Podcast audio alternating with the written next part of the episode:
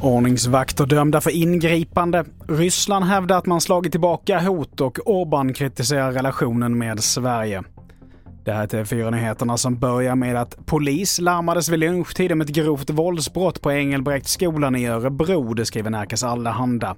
En elev skadades och hade förts en elev har skadats och förts till sjukhus med ambulans och en jämnårig person har gripits misstänkt för grov misshandel. Polisen finns nu på platsen och gör teknisk undersökning och utesluter inte heller att det kan finnas fler gärningsmän. Vidare till att två ordningsvakter dömdes idag för vållande till annans död i samband med ett ingripande i tunnelbanan i Stockholm förra sommaren.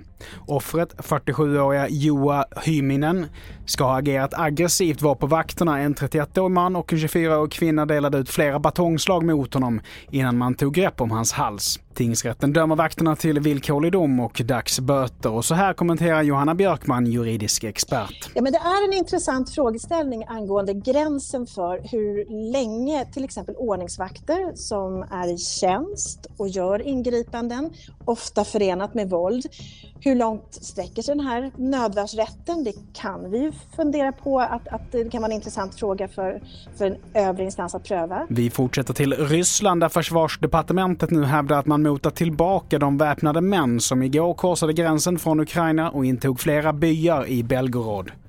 Enligt Moskva användes både flyg och artilleri för att slå tillbaka och Belgorods guvernör uppmanade tidigare idag civila att hålla sig borta från området. Inga oberoende källor har dock bekräftat uppgifterna. Till sist, den ungerska premiärministern Viktor Orbán går nu ut och kritiserar relationen med Sverige som han kallar för obehaglig. Ungern är tillsammans med Turkiet det enda land som inte godkänt den svenska NATO-ansökan. Och tidigare så har Orbán uppmanat Stockholm att inte lägga sig i ungersk politik. The political relation between Sweden and Hungary is awfully wrong and we have to improve first. We would not like to import conflicts into NATO first. Och i inslaget här så hörde vi Viktor Orbán.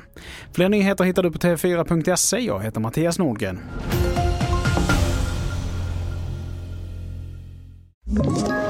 Ett poddtips från Podplay.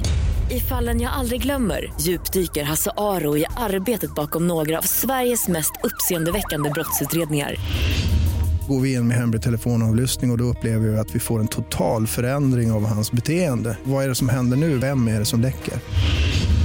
Och så säger han att jag är kriminell, jag har varit kriminell i hela mitt liv men att mörda ett barn, där går min gräns. Nya säsongen av Fallen jag aldrig glömmer på Podplay.